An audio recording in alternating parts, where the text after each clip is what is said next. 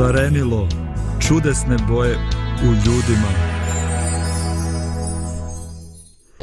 Pozdrav svim slušalcima Radio Pomirenje i svima vama ako nas gledate preko YouTube ili Facebooka. Um, danas smo u studiju Maja Malenkost i, Lidija.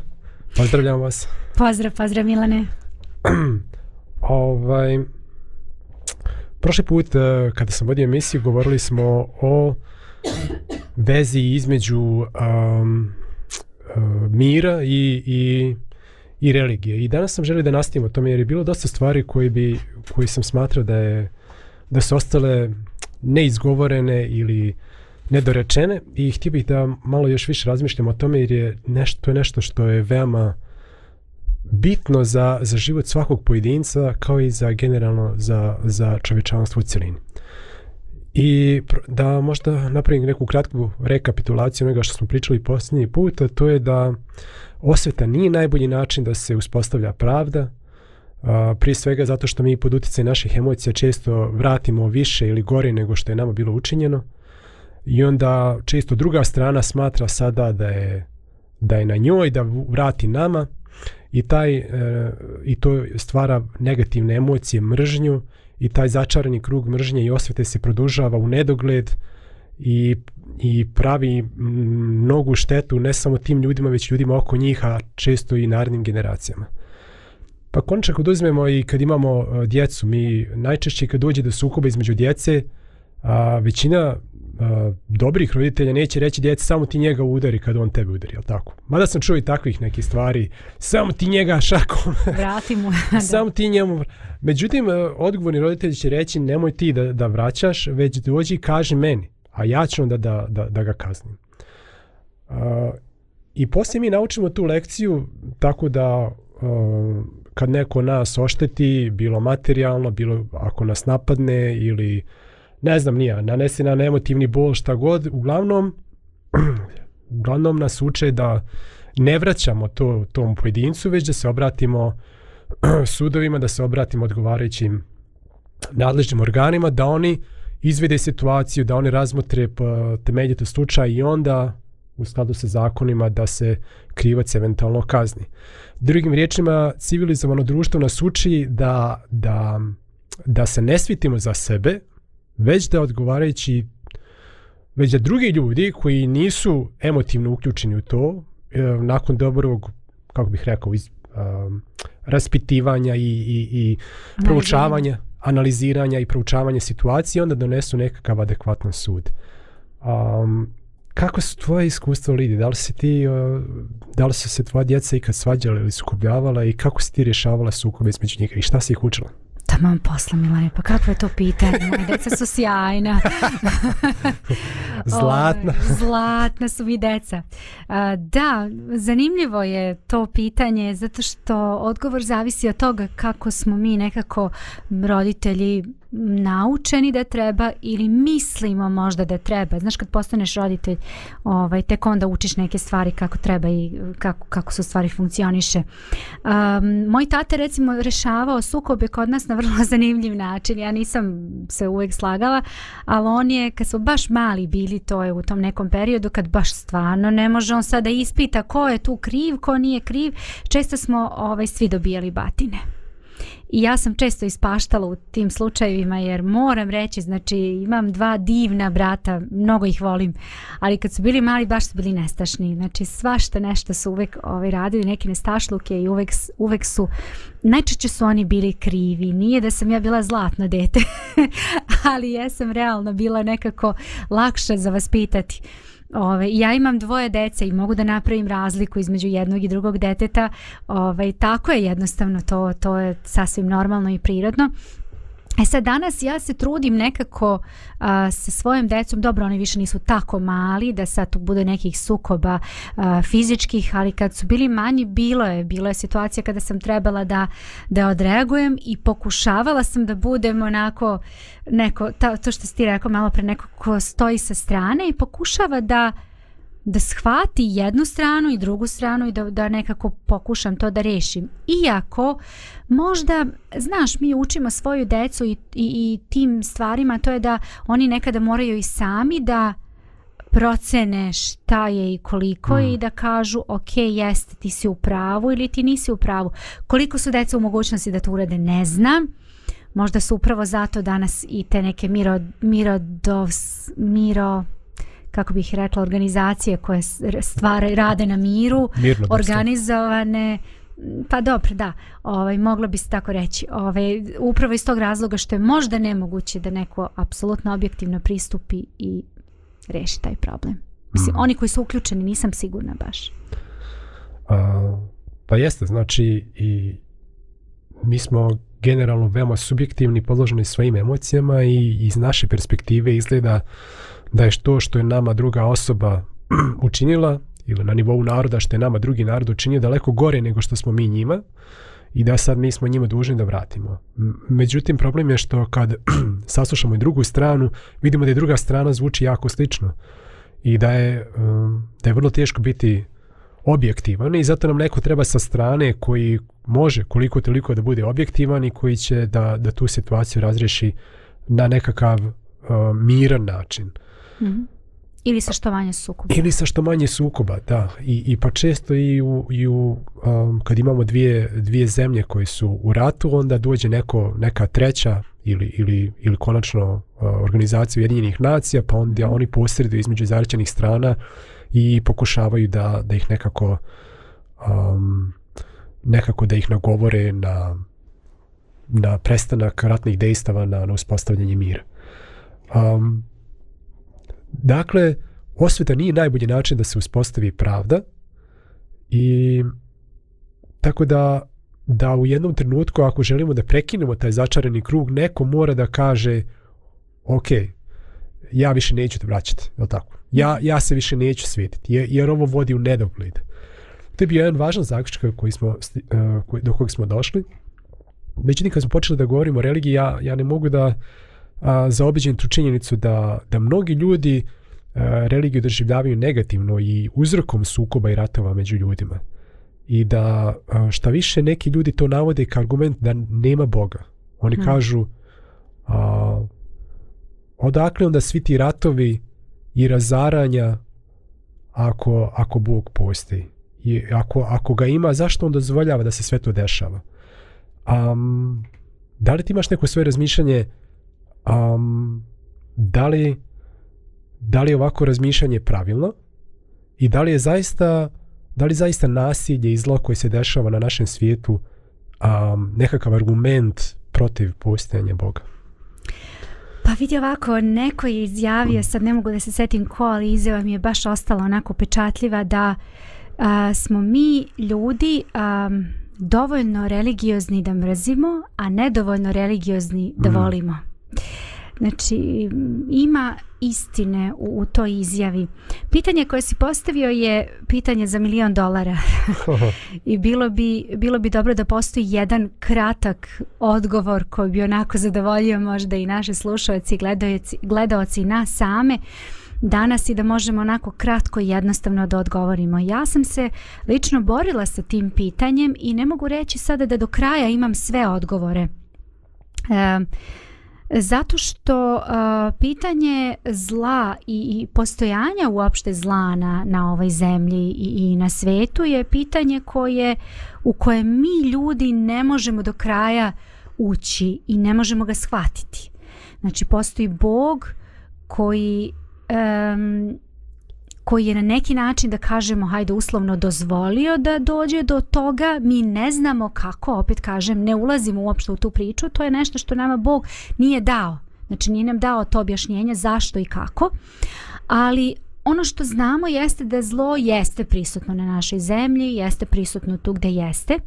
A sa druge strane postoji Bog koji je e, čija je vrhunska osobina ljubav. Mhm. Znači Bog bezoslovno, bezuslovno govorili smo baš o bezuslovnoj ljubavi neki dan.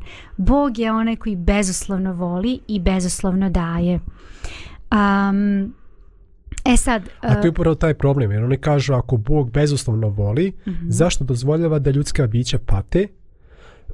A s druge strane, ako on ne može da zaustavi ljudska bića u njihovim u njihovu u zlu koji se dešava. Ako ne može da zaustavi zlo na ovome svijetu, onda on nije svemoćan.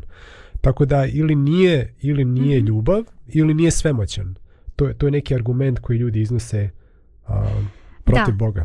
to je malo i filozofsko pitanje. Da li Bog može da stvori kamen koji ne može da... Koji ni on sam ne može da podigne. on, on sam ne može da podigne. Ja bih to pitanje možda poistovetila sa tim pitanjem, e, zato što to um, Bog jeste uradio nešto što možda niko, ne možda, nego sigurno niko nikad nije uradio, ali nikome ne bi ni palo na pamet da uradi tako nešto, a i ne može i da hoće on to, niko to ne može osim samog Boga, a to je da je Bog Um, ne može nikada, ne može se ništa, ne, možeš nešto uraditi što nije kako treba i da kažemo, pa okay, dobro, ajde, super, idemo dalje, znaš, to se dogodilo, idemo dalje.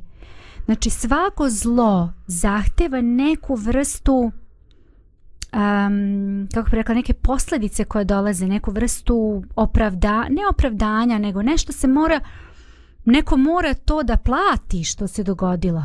Znaš, to je tako, to jednostavno tako funkcioniše svuda i uvek. I iz tog razloga Bog pre nego što je stvorio našu planetu, on je već imao rješenje za, za, za problem greha, a to je da će on doći i da će umreti Umesto nas. Jer plata za greh, ono biblijski tekst, ako čitamo možda Bibliju, kaže plata za greh je smrt, a da mi ne bismo morali da umremo večitom smrću, Hristos je to uradio za nas. To je ono što je on uradio. Mm. E sad, da, Ovaj. ovaj, pričat ćemo o tome mhm. malo kasnije, zato što ćemo, zato što je bitan, bitan, bitna stavka u postizanju mira jeste oproštenje. Tako? Mhm. Dok, dok, dok, nema oproštenja, nema ni mira. I pričat ćemo o oproštenju nešto kasnije, ali uglavnom mm evo da možda kao kontraargument takvim pitanjima da postavimo, može se postaviti drugo pitanje. Um, da, li, onaj koji bezuslovno voli prisiljava druge da njega vole ili da njemu budu poslušni? Pa naravno odgovor bi bio ne. Mhm. A ako ne prisiljava, to znači da im ostavlja slobodu volje. A tu slobodu volje možemo da upotrijebimo na jedan način ili na drugi način. Ili na mnogo načina. U ako ne možemo, da to nije sloboda volje. Drugim riječima, da bi, da bi stvorio jedan uzajaman odnos povjerenja i ljubavi, bilo je neophodno da Bog Svoja inteligentna stvorenja stvori kao slobodna. Tako je. U suprotnom, mi nikad ne bismo mogli da uzvratimo ljubavlju na njegovu ljubav ili svojom vjernošću na njegovu. I mhm. zato je bilo neophodno da budemo slobodna bića. E sad, u tom smislu, da li moja zloupotreba slobode volje je argument da nema Boga? Naravno da nije.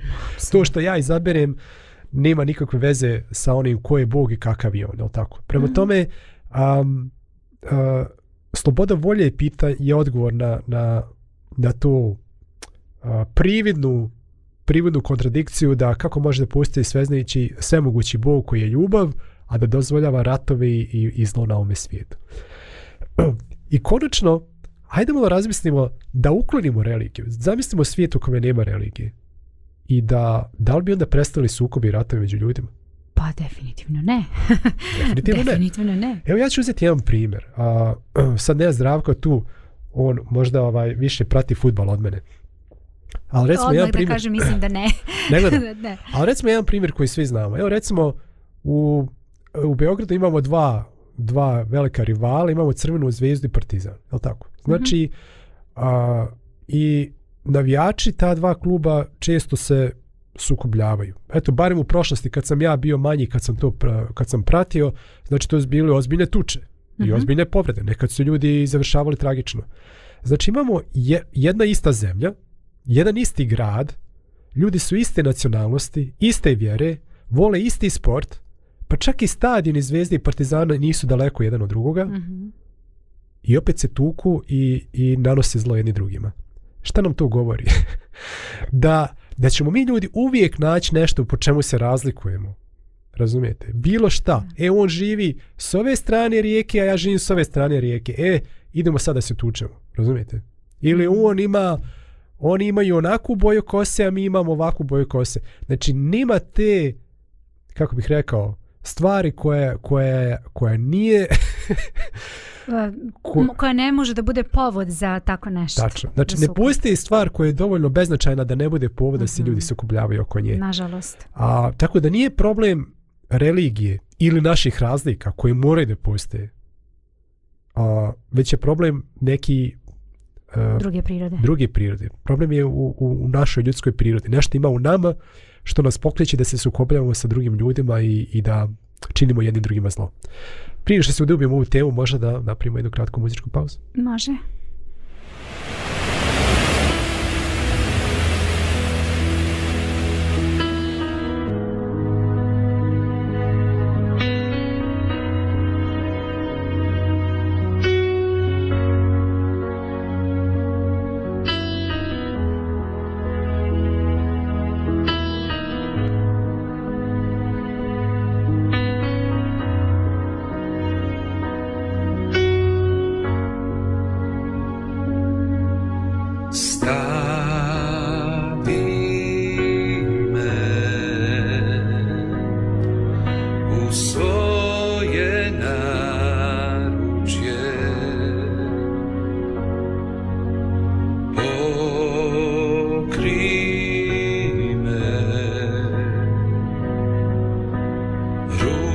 como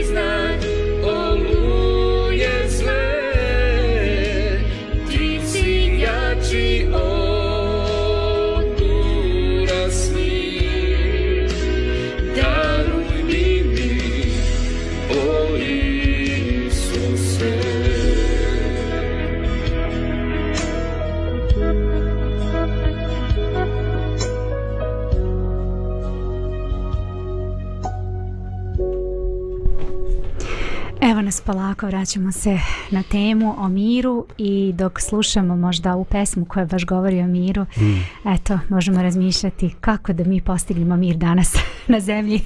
Vrlo praktično pitanje. Možda zvuči kao filozofsko i religiozno pitanje, ali vrlo praktično. Mm a, I zato je bitno da, da o njemu razgovaramo. I um, evo, sukob između Izraela i Palestine već mislim da je ušao u 12. dan. A, ogromne od prošle emisije um, ogroman broj ljudi je poginuo, uglavnom u bombardovanjima Gaze i um, čovjek ne može da se zapita zašto je to bilo potrebno i kako to može da se spriječi.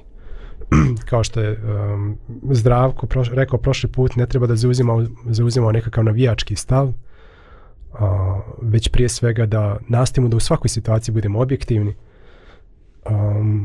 i, da, i da uvijek težimo da da ljudima bude dobro. Znači da, da, ne, bude, da ne bude razaranja, da ne bude um, nepotrebnih patnji, već da se to što prije okonča jer, jer, um, jer ne postoji scenario u koji neki rat um, vodi nečem dobrome. Nikad, nikad. Sama reč rat i ono što rat čini je definitivno razaranje i, i, I nijedan nekakav, e, ne znam, nija cilj. Ja ne znam da li jedan cilj vrijedan toga da da e, patnji tolikog broja ljudi. E, e uzmimo da neka od strana u ovom ratu pobjedi. I da li bi to konačno donijelo neki, neku sreću ili mir? Recimo, jedna strana uspije da potpuno uništi drugu. I šta onda? I, će onda ta strana koja povidi biti srećna i živiti zauvijek miru i sreći i blagostanju. Znači ja ne vidim da se može graditi sreća, mir i blagostanje na e, uništavanju i, i ne znam nija razaranju i uništ, ubijanju drugih. Pa zar nije najveća vrednost na ovom svetu baš ljudski život? Dovoljno je da jedan ljudski život ovaj, se izgubi u jednom ratu, da je to već ogromna žrtva, najveća žrtva. Hmm. Um, prošli put sam rekao da, da nauka u ovom slučaju ne može naš mnogo da nam pomogne. Mi se, mi se jako uzdamo u naš naučni i tehnološki napredak, ali u ovom slučaju nam samo omogućava da te ratove vodimo um, sa uh, nažalost samo efikasnijim uzimanjem ljudskih života i samo još većim razaranjima. Um, također, psihologija nam donekle pomaže i ona i psiholozi su zaista utvrdili da nošenje mržnje u srcu kao što, kao što si ti prošli put baš Lidija govorila da najviše šteti onome koji je nosi ne, ne, onome prema kome je usmjerena i da je za naše blagostanje da je za naše mentalno zdravlje važno da oprostimo mhm. e sad to je lijepo što nam psihologija kaže šta bi mi, šta bi mi šta bi trebalo da mi učinimo mhm ali druga je stvar to i učiniti. Um, I sjećam se ovaj Džiboni u onoj svojoj poznatoj pjesmi pjevao mm. moglo bi biti da je lakše umrit nego drugome reći oprosti. i, i, mi se sad tu nalazimo u problemu da, da mi znamo da je, da je potrebno da, da se odreknemo osvete, da mi racionalno možemo da shvatimo da je mržnja nije dobra za nas i da je za naše dobro da oprostimo, ali kad u praksi to treba da učinimo, ne nalazimo snage ili, ili dovoljno jakim volje da to i uradimo. E, mm. sad, i ko može da nam pomogne? Da nauka, tehnologija, ne. Psihologija nam ukazuje pravac, ali ne može da nas odvede tamo. umjetnost ima nekog utjecaja i, i, znam mnogi ljudi koji su umjetnici, a no, ne mnogi, ali znam dosta ljudi koji su umjetnici, koji su u u trenucima kada je, kada je ogromna većina ljudi bila pod nekim tim žarom mržnje i rata i razaranja, da su oni znali biti jedini glas razuma koji je, um, koji je razmišljao i djelovao drugačije. Um, međutim, ja mislim da, da je tu upravo prava moć religije. Mhm. e sad ćemo da, da, da malo pričamo o tome, a kako to? kako to da ta religija koju optužujemo za ratove ima moć da, da sukobi i ratove prekine? Možda pre nego što ovaj, krenemo na to, samo da to čisto spomenem da e, to je ono što, što znamo, ali e, eto e, zarad neke, kažemo onako objektivnosti da i to spomenemo. Kada su u pitanju ratovi, to je vrlo zanimljivo da recimo dve sukobljene strane i sad imamo vođe vođe. Rekli smo da je e, ljudski život najveća vrednost, ali um, pored toga postoje tu i neke druge stvari, a to je kako ću ja sutra izaći pred svoj narod i reći znate šta ljudi ovdje stajemo. hoće li oni meni mene zadržati da ja i dalje budem njihov vođa zato što su njihovi prijatelji, rođaci, najbliži izgubile svoje živote, a ja sad treba da povučem crtu i da kažem stop, stani, nema mm. više toga. ima tu i drugih nekih ove, stvari koje su uključene u tu čitavu priču, to je neki drugi možda strani faktor koji također utiče na sve te neke odluke koje, koje mi donosimo mi, ne mi, možda mi smo pojedinci, ali koje donose ljudi koji odlučuju o tome hoće li doći do rata i hoće li doći do prekida rata. Tako da ima tu jako puno tih faktora, ali postoji nešto što se zove lični moral i nešto sa čime ja mogu da živim ili ne mogu da živim.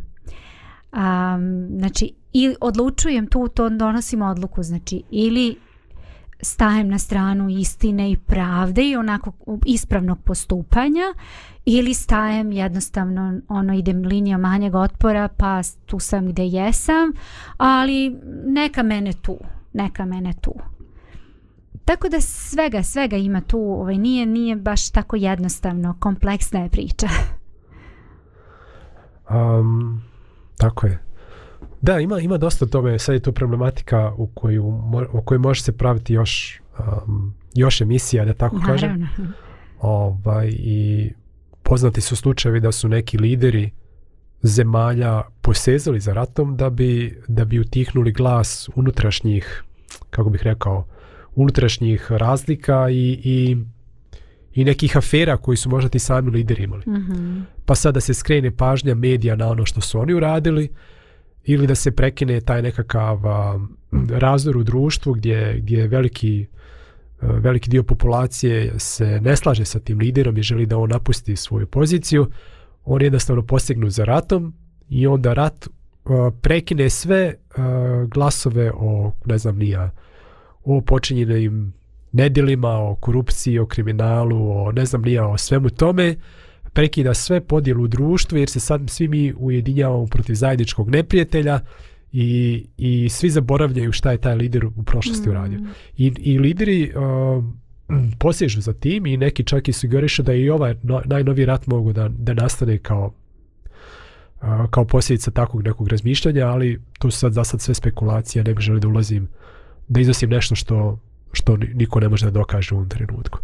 Ali ovaj No, pored svega toga jeste da, da, je, da, je, da je možda teže biti i treba jači lider koji će da uspostavi mir nego onaj koji će da, da vodi zemlju tako rad. Je, tako je. A, potrebno je više moralnog integriteta i hrabrosti i ne znam ja više kojih karakternih kvaliteta da bi mhm. čovjek zaustavio rat nego da bi čovjek pokrenuo ili nastavio rat. A Prvo, možda da se prisjetimo da je Zdravko prošli put rekao da su u Svetom pismu zapisane Božje riječi gdje Bog kaže moje osveta ja ću vratiti. Mhm. I na drugom mjestu kaže dragi moji, ne, nemojte se svetiti za sami za sebe. Jer je Bog rekao moje osveta ja ću vratiti. Tu je apostol Pavle citirao, citirao stihove proroka iz Starog Zavita čovjek kad se odrikne, kad se odriče osvete, on se ne odriče pravde, već prepušta pravdu Bogu, koji će daleko bolje da, da tu pravdu uspostavi nego što, što bi sam čovjek ubio. Naravno, to zahtjeva određeno, određenu vjeru, snažnu vjeru, a to je da ćemo svi na kraju da, da odgovaramo pred Bogom za ono što smo radili i da nema potrebe da ja nekome nešto vraćam za učinjeno zlo, jer će taj onako da da sam odgovara za sebe. A, da li je tebi ta svijest da, da će neko za učinjeno zlo da odgovara pred Bogom tebi pomagala da se uzdržiš od mržnje ili, ili neke težnje za osvetom? Hm.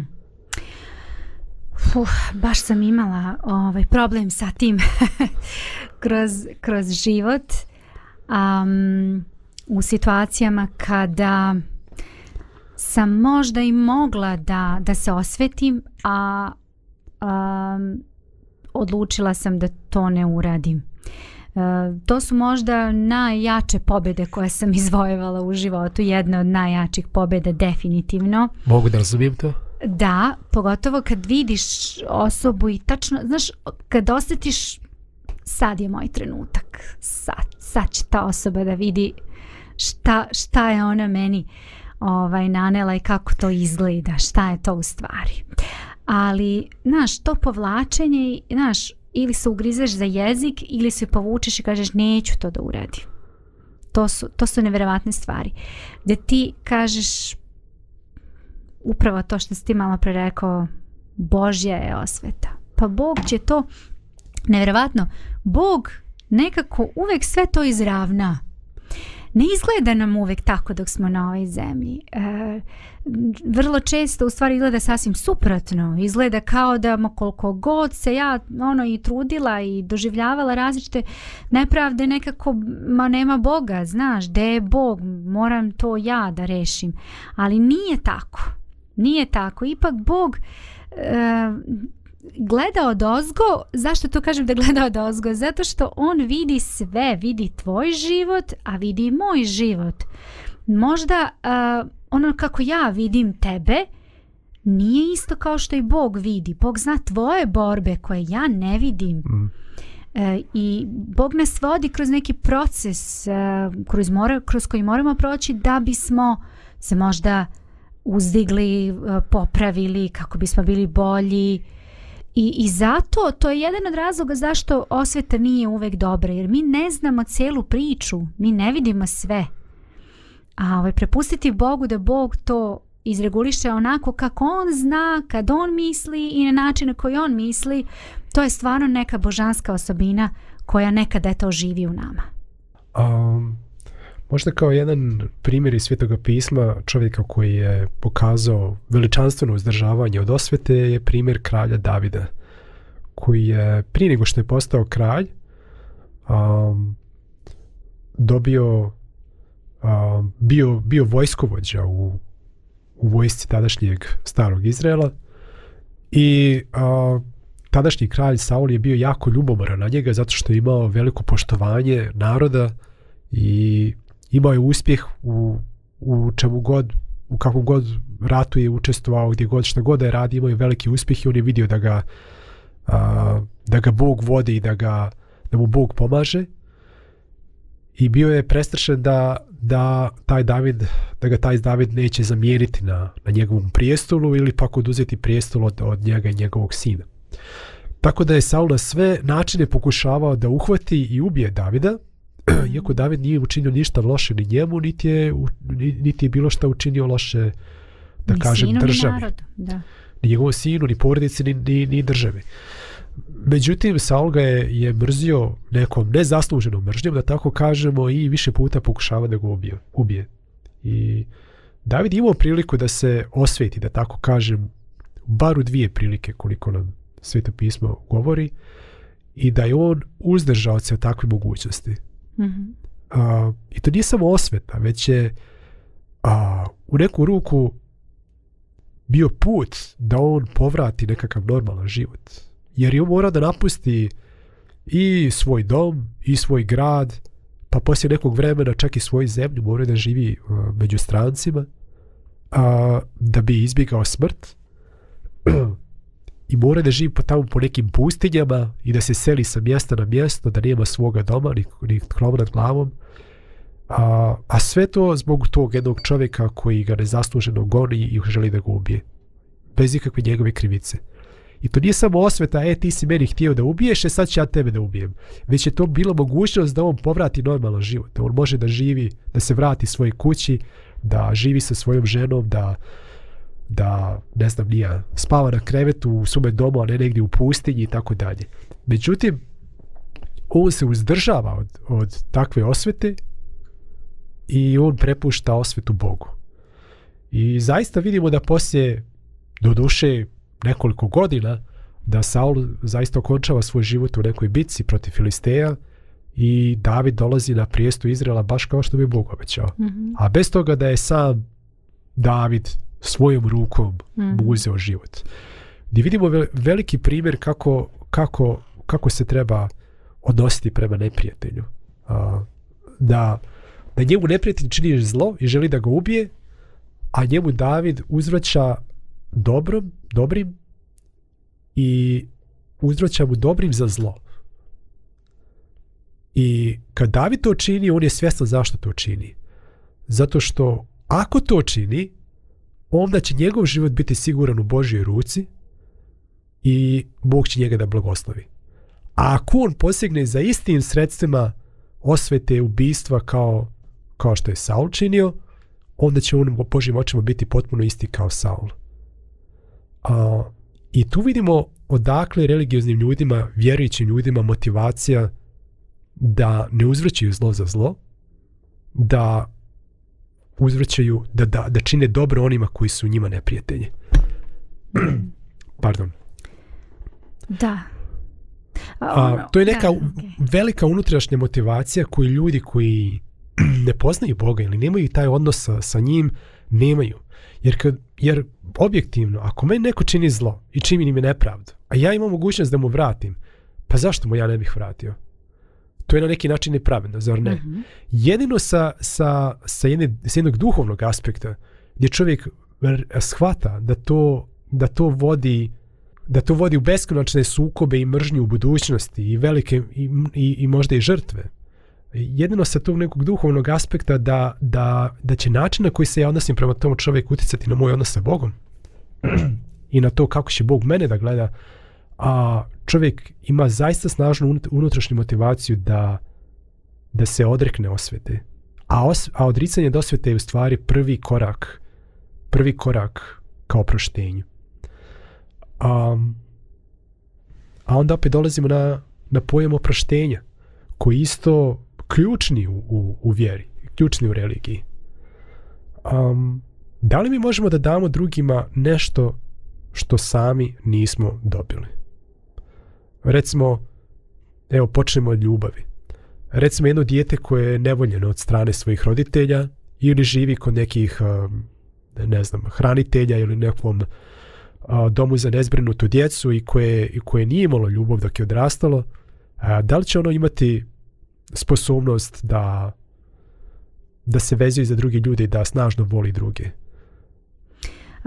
mislim da u, tim situacijama e, ta deca su poprilično uskraćena za tu neku nit koja se razvija između roditelja i deteta i koja onda formira tu jednu mladu ličnost. Iako ne mislim da je sve izgubljeno sa ljudima koji to nisu doživeli, to se može naučiti. Iako možda kažem to nije, ne može nikada biti isto jer to je neko vrijeme i neki odnos koji je propušten u detinstvu i to mm. se ne može nikada vratiti ničim. Znači ne postoji mogućnost nekog nadomeštanja toga, ali postoji mogućnost učenja i postoji mogućnost da, da možda delimično se doživi i osjeti to i da onda ta osoba može kasnije da to isto prenese i, i drugima. Da. I postoje osobe u takvim situacijama koji su doživjeli neku dobrotu ili ljubav od neke druge osobe iz svog okruženja. Da li je to baka ili učiteljica ili e, neka osoba koja je pokazala neku naklonost i, i pažnju i ljubav prema, prema toj osobi dok je, dok je još bila dijete i to je bilo dovoljno da promijeni život te osobe. Ja se sjećam jedne priče kako je kako je jedan dječak koji je tako bio siromašan, koji je bio bez roditelja i je prema njemu pokazala neku hmm Ajde kažemo pažnju. Nije čak ni onda nešto da se žrtvala ona za njega, već je samo u jednoj trenuci, tr, jednom trenutku je reagovala tako da, da je stala u odbranu tog dječaka i pokazala razumijevanje i taj nekakav čin baznosti i dobroti je tako snažno utjecao na dječaka da je on ovaj e, da je on kasnije njoj napisao pismo da da to što je ona uradila za njega nije to bio samo jedan taj čin, već kasnije jer se razvio odnos između njih dvoje, a, gdje je dječak dobio puno ohrabrenja i motivacije i gdje je postao svjestan koliko je on vrijedan, kao osoba i tako dalje. Gdje on kasnije kad je ostvario nekakav uspjeh u životu, on, on napisao pismo toj svoj, svojoj bivšoj učiteljici i njoj zahvalio za, za sve to što je on postigao u životu, govoreći da, da bi to bilo nemoguće da nije bilo njenog utjecaja. A, vidimo dakle da je, da je moguće dakle da dakle nije čovjek predodređen mhm.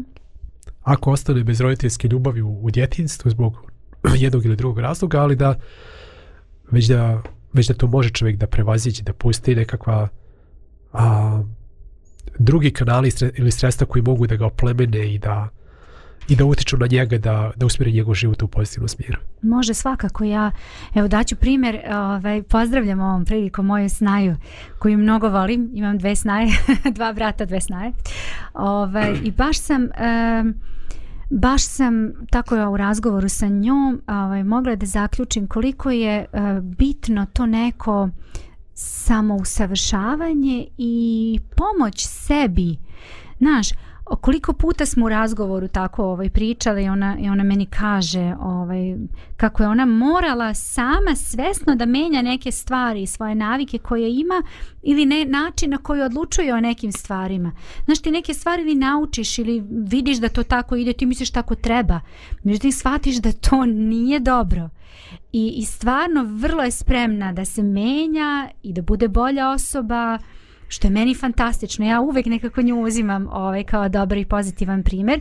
Ali hoću da kažem da mi svi to imamo u svojim porodicama i i, i u porodicama možda iz kojih smo, eto kažem, došli kada smo ušli prethodno u brak i možda ako nismo u braku, možda smo to pokupili, kažem, od svojih pa smo nekako formirali svoju ličnost, ali postoji uvek mogućnost da se menjamo i da učimo, da budemo bolji.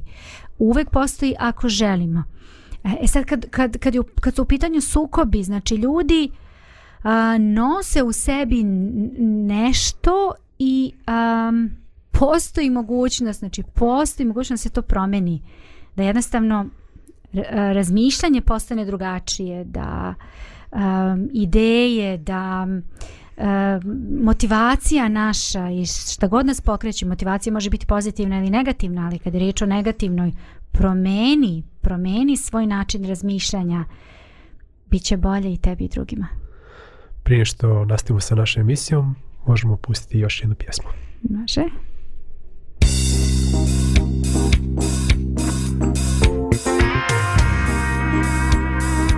Radio Pomirenje.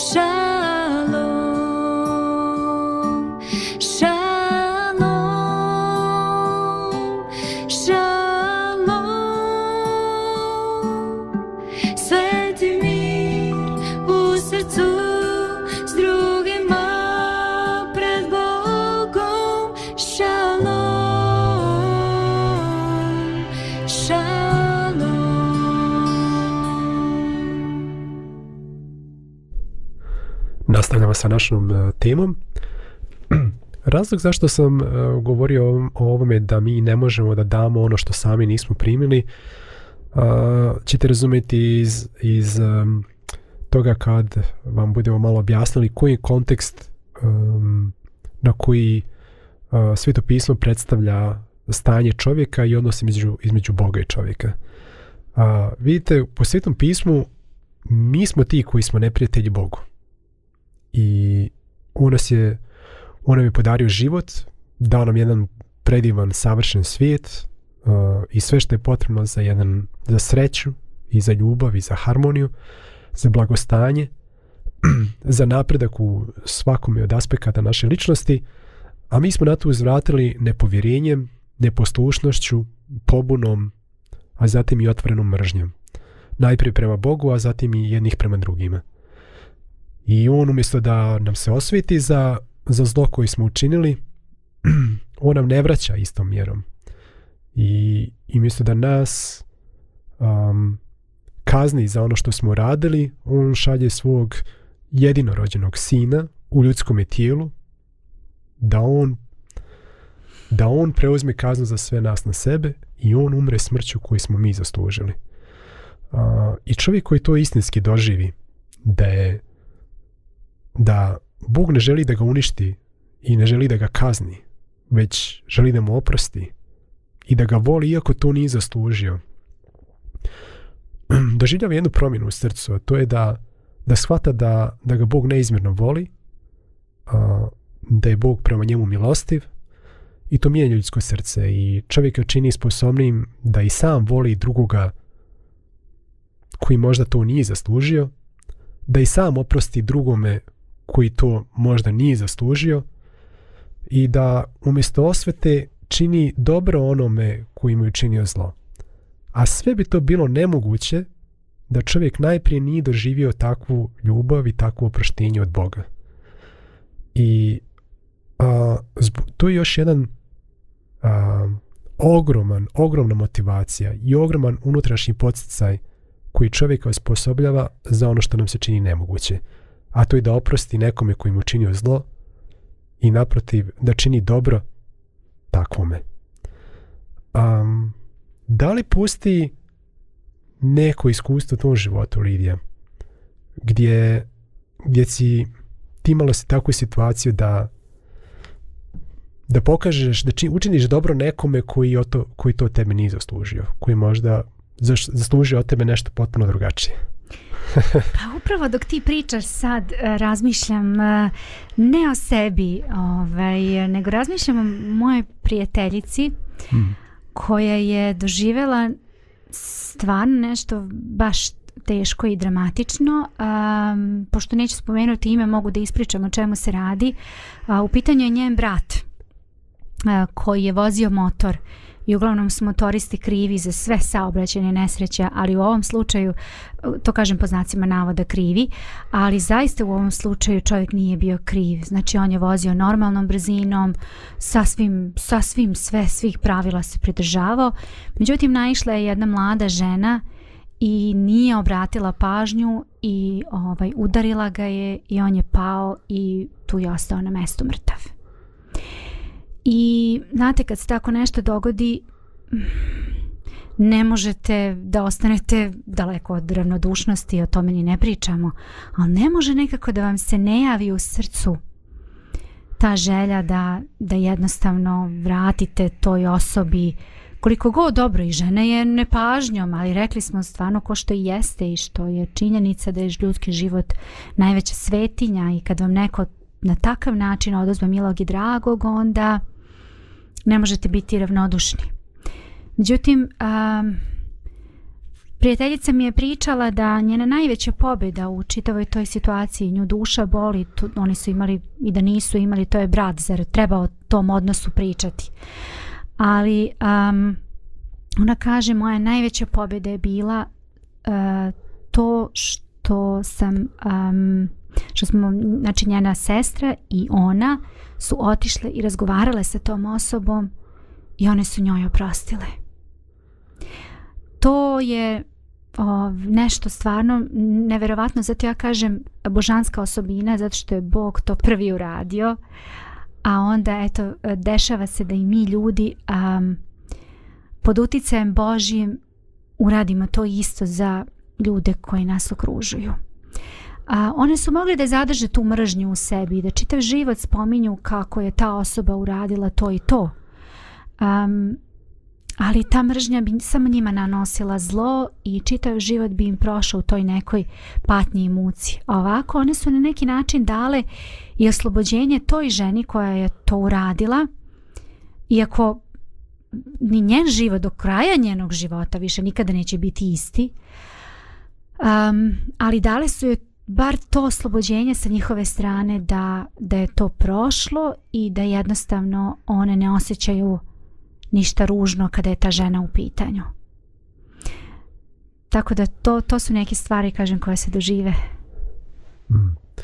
To, je, to je fantastično iskustvo i ovaj, zaista svjedoči o, sili koju, koju vjera u u Boga, daj čovjeku da, da oprosti čak i onima koji su nas, eh, koji su nas jako povrijedili ili na htjeli oni to ili ne htjeli nanijeli nam veliki bol zato što možda ta žena nije htjela da to uradi ali je a, ali ipak ona odgovorna za smrt njihovog brata i mhm. a one su opet imale tu eh, snagu da je oproste i to nije jedini primjer postoji mnogo, mnogo primjera u u istoriji hrišćanstva kada je, kada je upravo vjera osobe pomogla joj da oprosti onima koji su učinili najviše zla. Ja se sjećam o priče Cory Ten Bloom, ne znam da li se čitala njenu knjigu, a u principu ona je, doživjela da prođe kroz, kroz njemačke koncentracijne logore i kasnije je poslije rata upoznala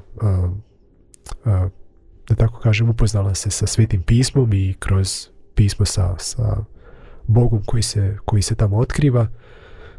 I pričala je također o moći oproštenja i na jednom od tih predavanja koje je držala, ona je upravo prepoznala jednog od tih stražara iz njenog logora za koje ona zna lično da je mnogim zatvorenicama pa i njoj nanio zla.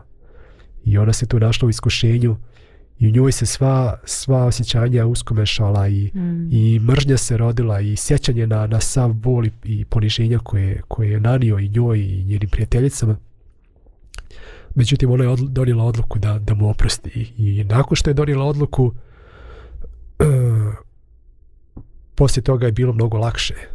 Kad je ona odlučila da mu dođe i priđe i da ga pozdravi i da mu kaže da ga se sjeća i da mu oprašta, ona se osjećala mnogo, mnogo bolje. Hmm. ali odluka bila njena i to nešto govori o načinu kako, kako Bog radi. Znači mi dalje imamo slobodu volje da izaberemo da nekom ne oprostimo. Da. Ali ako uvidimo da to nije najbolji put, da je put oproštenja i mira bolji put, Bog nas osposobljava za to. I, i tu je ta moć religije koju nijedno drugo ljudske dostignuće nema. Nauka, tehnologija, a, psihologija, umjetnost imaju svoje mjesto i, i, i značajni su ljudskom životu. Ali kad je u pitanju mir između pojedinaca i između naroda, mislim da nema jačeg utjecaja na ovome svijetu od, od božanskog utjecaja koji se, a, koji se izliva na nas ljude kroz jednu zdravu i a, dobru religiju neki ljudi sad govore, religija je toliko na, lošem glasu danas da gotovo nema nijednog čovjeka koji će reći za sebe da je religiozan, posebno u ovom zapadnom svijetu. I uvijek se religija provlači kroz nekakav negativan kontekst. a, neki opet kažu ja imam vjeru, ali nisam religiozan, ili ja sam duhovan, ali nisam religiozan. Mhm. sve to stoji. Možemo mi da, ja nemam ništa protiv da se mi deklarišemo ovako ili onako, ali Vjera je vjerovanje u nešto što mi sami ne možemo da vidimo ili da dokažemo. I svaki čovjek ima neku vrstu vjere, čak i onaj koji ne vjeruje u Boga. Znači on mora da vjeruje da je, ne znam, ja. Iz nežive materije nastala živa ćelija, iako to nije nikad vidio, niti to, može da ponovi u laboratoriji. Mhm. I mnoštvo drugih stvari mora da vjeruje koje, koje ne može da dokaže. A isto tako i religiozan čovjek. A, religija je, potiče iz latinske riječi relegare, što znači ponovo povezati. I govori o tom prekinutom odnosu između Boga i čovjeka e, i da je neophodno da se taj odnos ponovo uspostavi da bi čovjek mogao da e, između ostalog i razriješiti unutrašnje probleme, to, to zlo u njemu koje ga navodi da nastale sukobe i ratove sa drugima. E, jedino kroz tu povezanost sa Bogom mi možemo da prevaziđemo, slabosti naše ljudske prirode, i od onih koji mrze, koji žele da ratuju, da čine drugima zlo, koji žele da drugima vrate istom vjerom, postanemo ljudi koji žele mir, koji vole istinu i pravdu, koji imaju i unutrašnju motivaciju i snagu da oprosti drugima. A, s tim bih volio da, da možda razmislimo o našem odnosu prema religiji. Da to nije samo nešto što kako se mi deklarišemo ili neki običaj koji toku godine mi radimo, već da to treba da bude nešto što mijenja naše srce. I ako ne mijenja naše srce i ne mijenja naš karakter i ne utiče na naš svakodnevni život, onda, oprostite ako sam previše grub, eh, ne vidim previše vrijednost takve religije. U čemu je vrijednost? Onda ona možda zaista postane nešto, eh, neki predmet po kome se mi razlikujemo i zbog čega se mi sukobljavamo. Ali ako praktikujemo religiju srca, koja nas osposobljava da volimo i da praštamo i da težimo miru, čak i sa onima koji to možda nisu zaslužili, onda ja mislim da takva religija ima ogromnu vrijednost. Eto, završio bih sa ovim riječima. Pozdrav e, svim Radima pomirenje i vama koji, koji nas gledate preko YouTube-a i Facebooka. Do gledanja, doviđenja i do slušanja.